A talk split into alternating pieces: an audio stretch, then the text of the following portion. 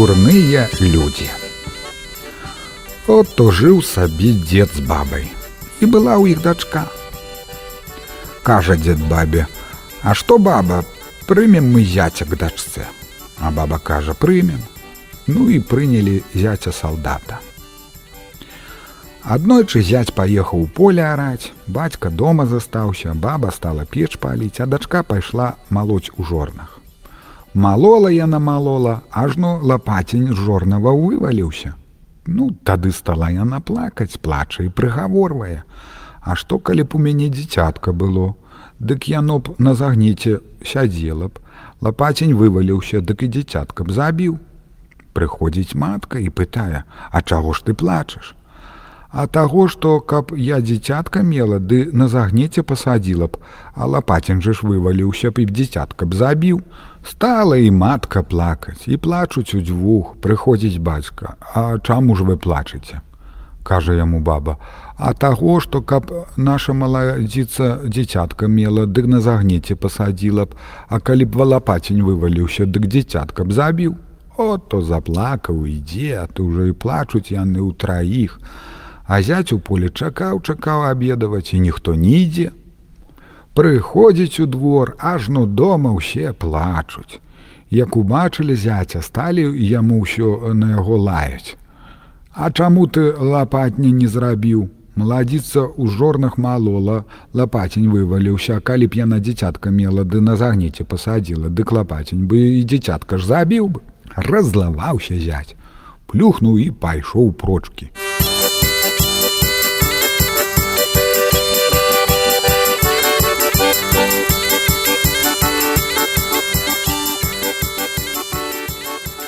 Ішоў і ішоў дарогаю, зайшоў к аднаму гаспадару.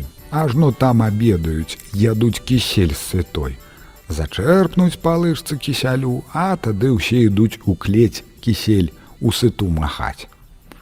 З'ядуць зноў зачэрпнуць і зноў ідуць у клець макаць. Тады салдат кажа: « Што гэта вы робіце?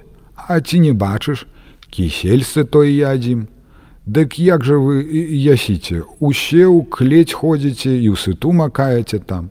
Калі дасіце мне паабедаць, дык я вас навучу, як трэба рабіць, каб усе ў клець не хадзілі. О, добра, дадзім толькі ж навучы. Салдат наклаў у міску мёду, наліў вады і паставіў на стол, сталі ўсе есці, і салдат паабедаў. Падзякваў ён і пайшоў далей.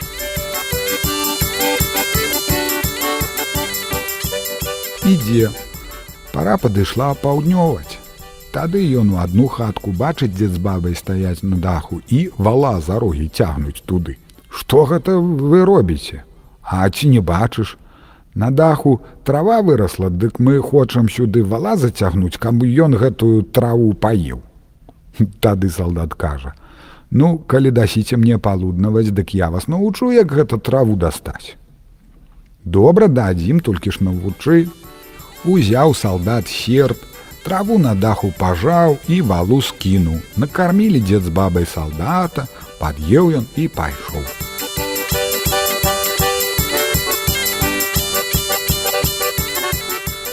Ідзе па дарозе бачыць, будуюць людзі хату. І ўсё па сцяне цягаюць бярну.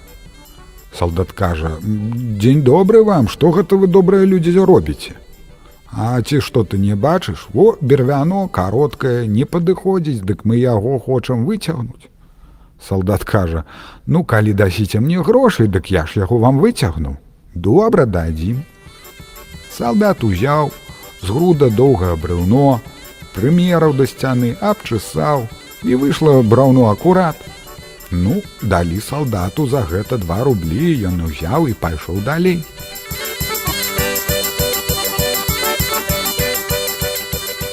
Бачыць, мужик пабудаваў новую хату і ўсё нешта ў хату кашом носіць. Дзень добры кажа салдат, што гэта ты робіш? А вось я пабудаваў хату ды цёмна ў ёй, дык я хачу сонца ў хату напусціць. Ну калі дасі мне грошай, кажа салдат, дык я табе зараз поўную хату сонца напушчу. Добра дам. Ну узяў тады салдат тапор, прасек вокны і стала ў хаце светла. Ну, даў салдату мужык тры рублі, Ён падзякваў і пайшоў далей.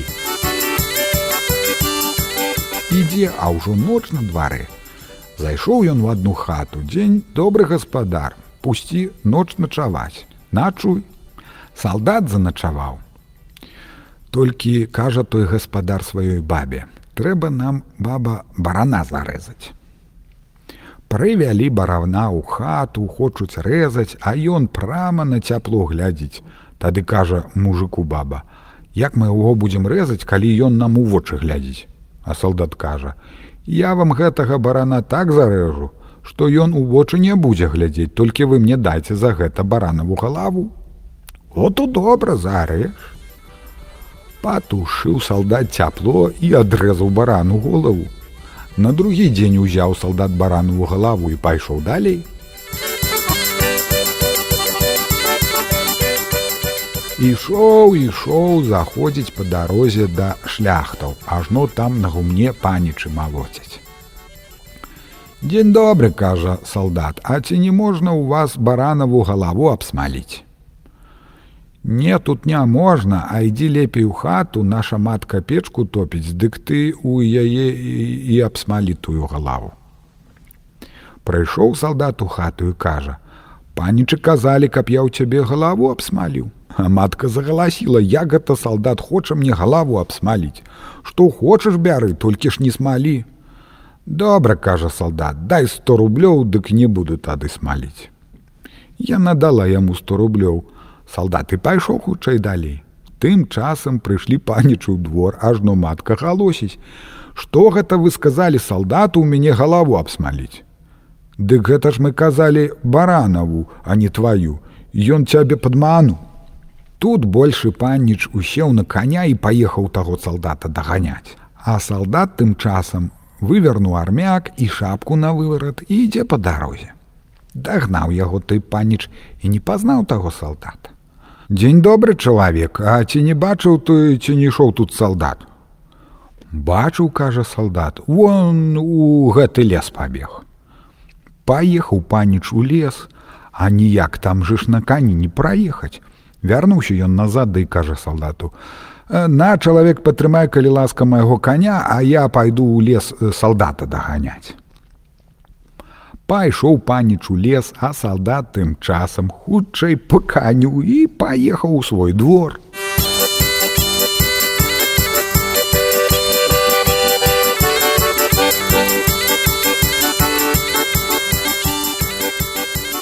Дзівяцца дзед з бабай, адкуль гэта зяць столькі багацця набраў і пытаюцца ў яго. І дзе ты гэта столькі грошай набраў. А салдат кажа: гэта я авёс малоў, кісель варыў, у кашель ліў і на рынку прадаваў, вось і грошы здабыў. Стала той бабе завідна, намалола яна аўса, наварыла кісялюды, тады кажа дзеду: На дзед нясі на рынок прадаваць. Дед увязаў кісель за плечы, а баба кажа: « Глядзіш ты, дзед, грошы не прапі, усё ж у двор прынясі. Узяў дзеда жаль, стаў ён на калені і кажа: Каб я шчарнеў, калі гэтыя грошы прап'ю і пакланіўся ў зямлю, а кісель увесь і выцек дзеду на лысіну.